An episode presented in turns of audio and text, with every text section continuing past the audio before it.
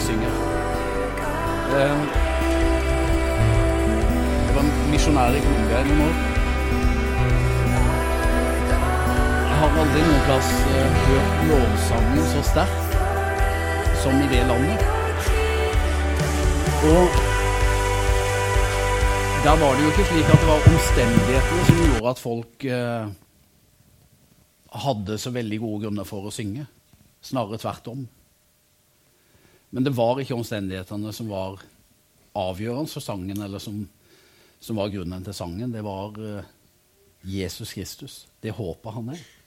Den han er. Det er derfor vi også synger.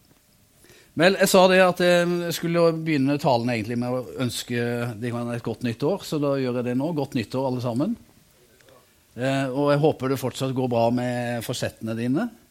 Eh, vi er jo bare på 10. januar. Om du har noen, da. Jeg vet jo ikke hvilke mål du har satt deg. Hva som er viktig for deg her i livet, hva du drømmer om osv. Eh, men eh, det er jo undersøkelser som viser at eh, det folk flest drømmer om, det er å bli rike, berømte og anerkjente. Jeg vet ikke om du har satt deg som mål for eh, 2016 at du skal bli rik, berømt eller anerkjent. Noen nikker her. Eh, ja, men slik er det nok litt egentlig òg blant oss.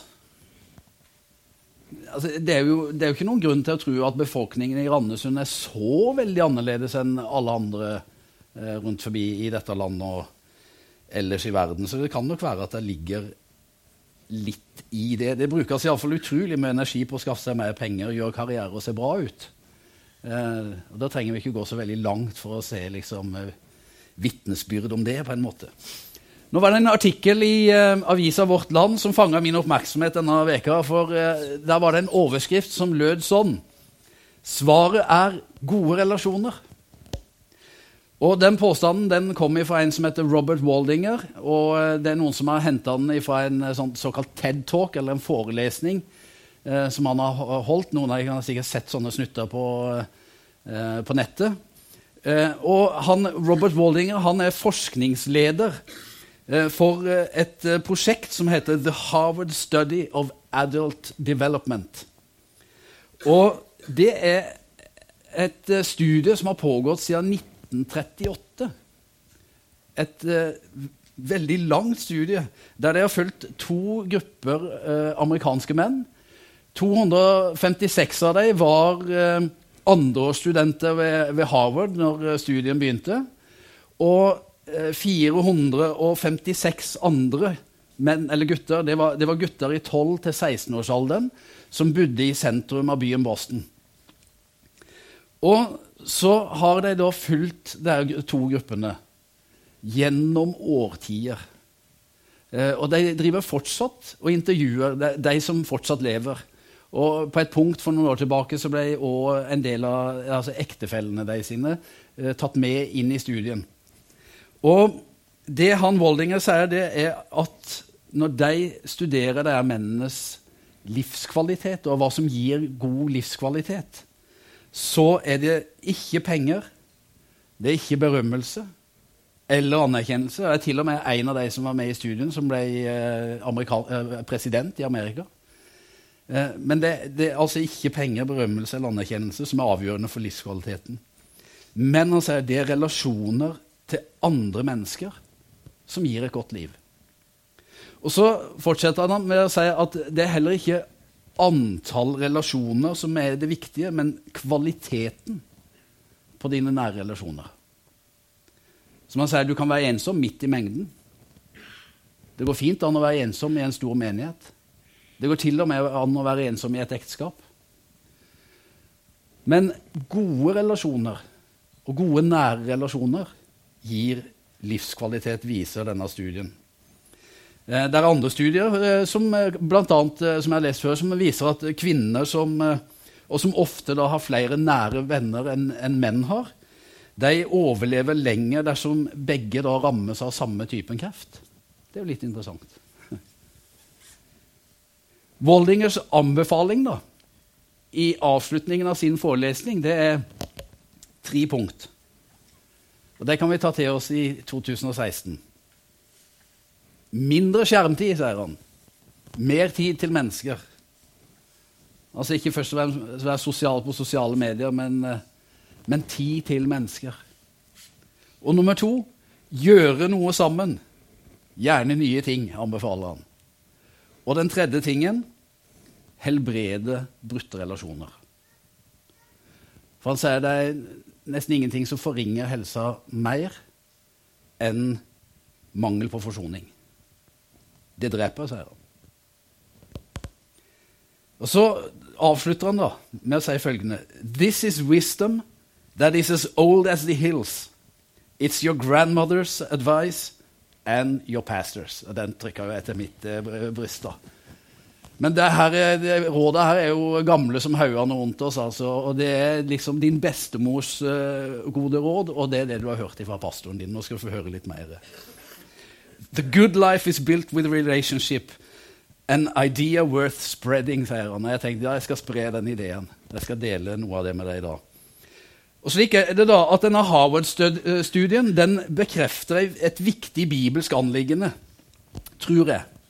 For der fins uh, jeg tror ikke det fins bare sånn vitenskapelige begrunnelser for å, å, kunne si dette at, eh, at, gode relasjoner gir et godt liv. Er, som pastor tror jeg at det fins teologiske begrunnelser for det. Og det er faktisk litt viktig for meg. Vi tror at alt liv kommer ifra Gud. Og vi tror at det gode liv gis oss av Gud. Og at det gode liv det er å leve et liv i relasjon til Han, som er livets kilde. Og det evige livet som vi leser om i Bibelen, som har sitt opphav i Gud, det er ikke et liv i ensomhet. Det er ikke sånn at Gud levde liksom helt ensom før han skapte oss. Men det er et liv i fellesskap. Det evige livet som kommer fra Gud, det har sitt utspring i den treenige Gud, i relasjonene mellom Faderen, Sønnen og Den hellige ånd. Det er der dette kommer ifra. Faderen, Sønnen og Ånden Gud er en som har sagt en gang at Gud er en bunch med relasjoner. Eh, gode relasjoner. Kjærlighetsrelasjoner. Det er Gud. Og Jesus han sa når han underviste, han ble spurt hva er det, hva er det viktigste budet av alle. Så sa Jesus følgende.: Du skal elske Herren din Gud av hele ditt hjerte og av hele din sjel og all din forstand. Dette er det første og største budet, men det andre er like stort. Du skal elske din neste som deg selv. På disse to budene hviler hele loven og profetene. Altså, Bibelens budskap da, det oppsummeres i de to budene, sier Jesus. Og Bibelens bud det er altså det da, å sørge for at en har en sterkest mulig relasjon til Gud og en sterkest mulig relasjon til andre. For det er jo det han sier her. Du skal elske Gud. Du skal elske de neste. Og hvilken relasjon er sterkere enn det? Enn når vi elsker noen. Det kristen tro det er altså ikke først og fremst ei rekke med læresetninger, eller sånne ting, men det er relasjoner.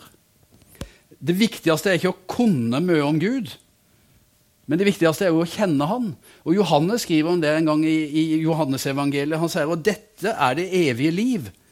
Eller det er Jesus som sier det, og Johannes siterer. Og dette er det evige liv, at de kjenner deg, den eneste sanne Gud, og ham du har sendt, Jesus Kristus. Og En annen plass så skriver Johannes det som var fra begynnelsen av, det vi har hørt, det vi har sett med egne øyne, det vi så og som hendene våre tok på, det forkynner vi. Livets ord. Og livet ble åpenbart. Vi har sett det og vitner om det og forkynner dere det evige liv som var hos Far og ble åpenbart for oss. Det som vi har sett og hørt, forkynner vi også for dere, for at dere skal ha fellesskap med oss vi som har fellesskap med Far og med Hans Sønn Jesus Kristus. Og bare i det avsnittet jeg leste der, Det er ikke sikkert du husker alt det umiddelbart nå etterpå, men, men så, så, tenker jeg at her òg minnes vi nærmest om fire relasjoner som er viktige. Det første er gudsrelasjonen. Johannes skriver det. Vi har fellesskap med Far og Hans Sønn, Jesus Kristus. Og Så kan jo det være et godt spørsmål. da, ja, Har vi det? Johannes er det. Vi har fellesskap med Far og Hans Sønn Jesus Kristus. Har jeg det? Altså Dersom Gud fins, og dersom Gud er Gud, fins det da noen viktigere relasjon enn den jeg kan ha med han? Jeg tror ikke det. Men likevel så tror jeg dessverre at Gud fort blir salderingsposten i mange av våre hverdager. Den relasjonen som vi liksom kutter i. Men Johannes snakker om dette. Vi har fellesskap med far og hans sønn Jesus Kristus. Vet du noe? Det er den viktigste relasjonen du kan ha. Relasjonen til Gud. Steinar Oppheim han eh, skrev eh, her i, i, i, Dagen for et, et, par dager siden at kristne fra andre verdensdeler nevner ofte at vi her i Vesten er mest opptatt av det som hører dette livet til. Fokuset på evigheten og Guds rike er tilsvarende mindre. Dersom vi skulle nå målene våre, er vi gjerne både sunne, slanke og i god form når Jesus kommer igjen. I tillegg er vi kanskje ferdig med å pusse opp huset, og vi har fått kjøpt inn det serviset vi i lang tid har drømt om. Det er ikke mange som er flinkere enn oss til å sette trivielle og materielle mål. Og så tenker jeg kanskje skulle vi gjøre noe med det? Kanskje er det en relasjon som er viktigere enn noe annet. Og så tenker jeg Den andre relasjonen som må nevnes her, det er egentlig familierelasjonen. Ja, Står det mye om familie her, da? Nei, men Gud beskrives iallfall i familietermer. Det er far og sønn. Og Familien det er jo den første institusjonen liksom, som vi leser om i Bibelen, som vi møter på i Bibelen. Gud forma en familie. Når han skapte verden og han satte mennesket inn i den, så forma Gud en familie. Og Det er viktigere at du lykkes si, i din far-sønn-relasjon enn at du lykkes på jobben. Det er viktigere at du lykkes på heimebane enn at du lykkes i menigheten. Og med det så menes ikke først og fremst å være håndlanger for et, ektefellens oppussingsprosjekter hjemme. Det, det, er ikke det jeg mener med, med å lykkes i, i, hjemmerelasjonen. Men det handler om å pleie de gode relasjonene oss imellom. Det er jo ikke sikkert at det barna dine trenger aller mest, var ny farge på veggen i stua. Liksom. Altså. Men familierelasjonen er viktig. Pleie den. Og så er det menighetsrelasjonen tenker jeg som også er en viktig relasjon. Det står her, det, for det fins et 'vi' i den teksten vi leste. Vi har sett og vi har hørt, skriver Johannes. Hvem er dette vi? da? Det er jo ikke bare han. Nei, det er et fellesskap. Det er et fellesskap av troende. Det er mennesker som har erfart Gud. Det var mennesker som hadde møtt Jesus Kristus. Som hadde gjort en erfaring med han og fått del i det livet han hadde å gi. Det var det vi-fellesskapet. Menighetsfellesskapet.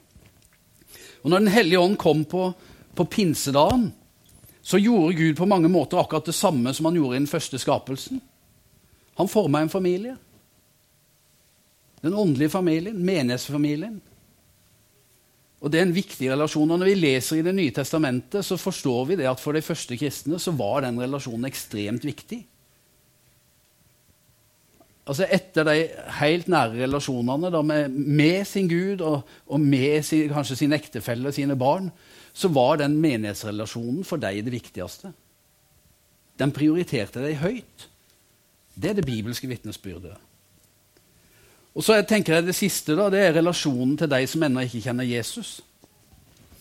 For dette viet som vi leser om i den teksten, jeg delt i fra 1. Johannes brev. Dette viet er ikke seg sjøl nok, men det er et fellesskap der, som det står om at de vitner og forkynner. Det vi har sett, det vi har hørt, det vi vitner om, og som vi forkynner. Og hvorfor gjør de det? Jo, for å stadig innlemme nye mennesker i det fellesskapet. Og han sier det. Og vi inviterer andre til å ha fellesskap med oss. Vi som har fellesskap med far og hans sønn Jesus Kristus. Så tenker jeg Det er òg en viktig relasjon for oss som menighet og som kristne å pleie relasjonen til de som ennå ikke kjenner Jesus. Vi har sagt det i Ytre Andersen misjonskirke at vi ønsker å være en relasjonsorientert menighet. Vi vil med andre ord spre videre noe av denne ideen som Waldinger eh, snakker om i sin forelesning. Men ikke minst er det denne ideen om rel viktige relasjoner som vi finner i Skriften, som vi vil dele og spre videre. Vi er et fellesskap. Den, denne kirka vår er ikke først og fremst en bygning, men det er en bunch med relasjoner. Slik Gud er en bunch med relasjoner, så er menigheten hans òg en bunch med relasjoner. Mennesker som har fellesskap. Dette er noe som vi tror på, og som vi ikke bare vil formidle videre, men vi ønsker å, å være med og legge til rette for at det skal bli en realitet i våre egne og andres liv. Og Da har jeg prøvd da, litt sånn kort å oversette Woldingers råd til en menighetskontekst. Eh, og da tenker jeg som sånn at i en relasjonsorientert menighet så Nå ble det litt rar lyd. Så er det Vil vi gjerne ha mindre ikke skjermtid, men plattformtid. Det, det, her, det, finnes jo på plattformer, dette her som vi er på, på, på nettet. En snakker jo om det. Og så har jeg tenkt mindre plattformtid. Mer tid for mennesker. Og hva mener jeg med det? Jo, I en relasjonsorientert menighet så er menneskene det viktige, ikke programmene våre. Og det er heller ikke slik at det er noen få mennesker som er viktige. Men alle er viktige. Og det er ikke noen få mennesker, det er ikke det noen få mennesker gjør på en plattform eller liksom her foran, som er det viktige. Det er ikke sånn i en relasjonsorientert menighet at vi bare sitter og stirrer framover, rett framover, som om vi så på en skjerm. Men vi ser rundt hverandre. Vi ser på de som sitter ved sida av oss. Vi ser de andre menneskene. Ja, I en relasjonsorientert menighet så går ikke ting bra fordi at det var en god preken på søndag, eller fordi at lovsangsteamet leda så fint, eller det var så bra opplegg for barna. Det er ikke først og fremst derfor at det går bra. I en relasjonsorientert menighet så går ting bra når folk velger å prioritere tid med hverandre. Når folk bryr seg om hverandre, når folk inviterer andre hjem til seg, når folk ler og gråter sammen, og når folk ber sammen. Da går det bra. Og Da tenker vi at det går bra i det her fellesskapet, når de tingene skjer. Derfor så har vi òg tenkt i vår menighet at smågruppene er like viktige som gudstjenesten. Det at vi møtes i mindre fellesskap rundt forbi heimene, der det ikke er sånn der plattformsentrert, men der vi kanskje sitter i en sofa eller rundt et bord, vi ser hverandre, vi snakker om hverandres liv, og vi har anledning til å dele med hverandre. Det blir viktig i en relasjonsorientert menighet. Derfor har jeg lyst til å oppmuntre deg sterkt til det at om du går i dette fellesskapet og, og du tenker at dette er et fellesskap du ønsker å være en del av, så bli også del av en sånn smågruppe. For det er en viktig arena for oss å møtes på for å utvikle det fellesskapslivet som vi har tro på. Jeg vet at noen av dere har vært eh, veldig relasjonsorienterte den jula som ligger bak nå. Noen av dere har tenkt på mennesker. De har bedt til Gud, og så har han minnet deg om noen. Noen som du ringte til, eller noen som du besøkte eller inviterte hjem til deg. Noen som du ga en oppmerksomhet, eller noen du hjalp. Og Det har jeg lyst til å si, det er den relasjonsorienterte menigheten. Og så tenker jeg, Om du er en av de som lever ut det, så fortsett med det. Og fortell gjerne oss andre om det. Ikke for å skryte av noe, eller noe sånt, men for å være med og modellere noe. Og for å hjelpe alle oss andre som har kommet egentlig inn i den samme prosess med å skulle lære å leve i relasjon til Gud og hverandre. Jeg har lyst til å oppmuntre deg til det. Tenk at det du da gjør, det er menighetsbyggende. Og så er det andre rådet som eh, Voldinger eh, gir oss, det er å gjøre ting sammen. Og da er, da er, det to ting som jeg har lyst til å nevne sånn kort. En ting som er veldig fint å gjøre sammen, det er å spise måltider. Og det var noe Jesus modellerte. Han brukte masse tid sammen med folk. Åt sammen med dem, med disiplene sine, med tollere og syndere. Han ble jo anklaga for det, at han åt sammen med folk som det ikke var helt bra å liksom ete sammen med. Men han gjorde nå det likevel. Bygde relasjon og fellesskap med dem. Og det jeg har lyst til å, å si til deg, eh, Bruk måltidsfellesskapet for alt det er verdt, til å bygge relasjoner, knytte relasjoner. Guds rike har vært eh, bygd rundt den typen relasjoner opp gjennom århundrene. Og på slutten av gudstjenesten i dag så vi, så skal vi også her sammen feire et måltid, måltids, eh, nattverden. Det er en av de helt sentrale tinga i den kristne tro. Det at vi feirer nattverd sammen. Et måltid som Jesus har innstifta. Så det å invitere noen til et måltid, ete sammen, det er en veldig god ting som jeg vil anbefale. Og så er det en annen ting rundt det å gjøre ting sammen. Og det er å ja, faktisk gjøre noe. At vi ikke blir et sånt fellesskap som bare kommer sammen for å høre, men òg for å gjøre. At vi er et tjenestefellesskap der vi finner noen å tjenestegjøre sammen med. Jeg, jeg vet ikke hvem alle de kan tjenestegjøre sammen med i Guds rike. Men jeg har lyst til å utfordre deg på det. Finn din tjeneste. Der, og der den tjenesten det er ikke bare for oss å gjøre et stykke arbeid, men det er nettopp i det at vi bygger de gode relasjonene. hvordan fikk jeg gode venner når jeg var liten? Ja, Det var jo de jeg leika sammen med, det var de jeg gikk på skole sammen med, det var de jeg spilte fotball sammen med, det var de en sang i kor sammen med. Altså, det var de en gjorde noe sammen med, der det oppsto sterke og gode relasjoner. Det var ikke sånn at vi, vi bare satt ved siden av hverandre og hørte på en eller annen. Det oppstår ikke nødvendigvis veldig sterke relasjoner av det, men når vi gjør noe sammen, når vi tjener sammen, så bygges det noe veldig sterkt. Det har, det har jeg lyst til å oppmuntre til. Ehm, jeg kjenner ei dame som heter Signe. Hun er fra Vegårshei. Hun er lærer, alenemor, men hun lever ikke for seg sjøl. Hun er levende opptatt av nabolaget sitt. Og Derfor har hun blitt menighetsplanter og prosjektleder for et nytt fellesskap som vokser fram på Hellemyr her i Kristiansand. De samler nå en gruppe på kanskje 70. Noen ganger har det vært opp mot nærmere 100 stykk.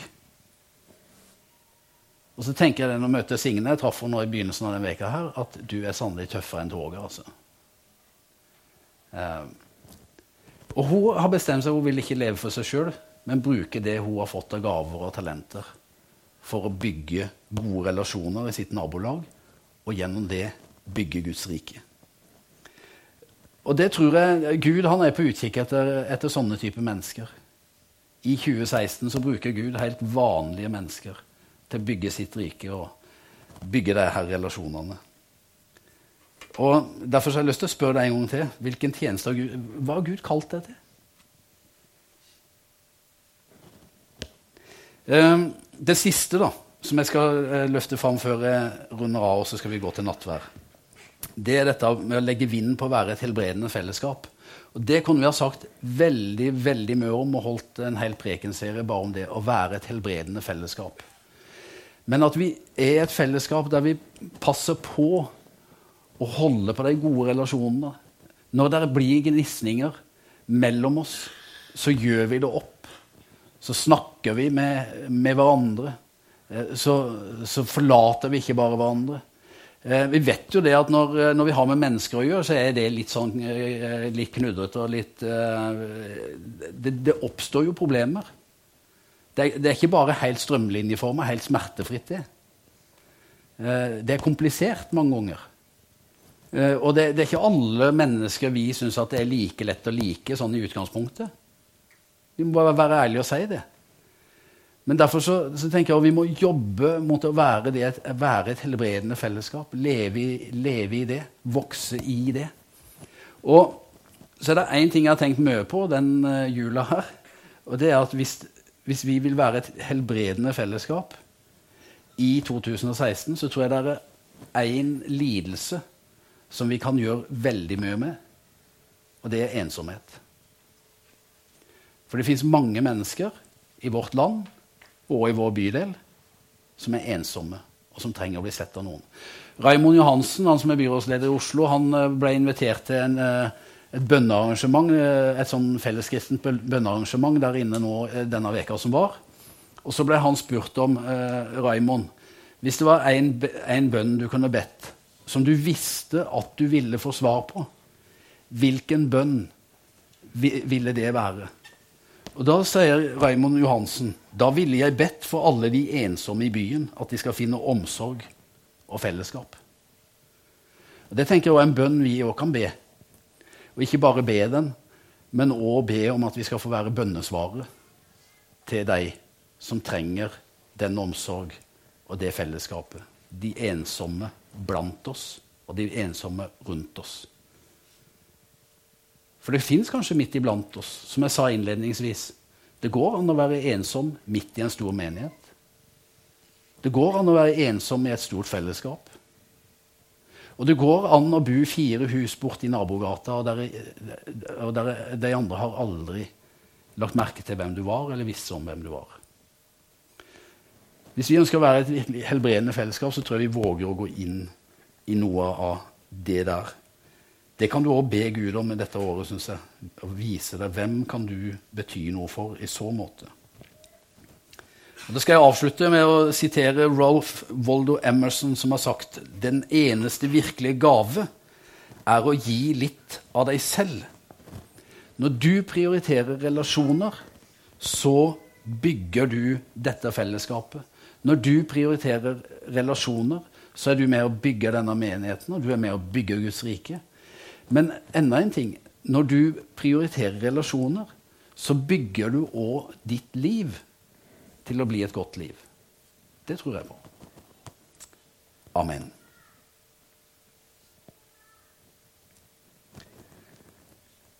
Vi skal uh, gå over til nattværen, og da skal Kjetil si en ting.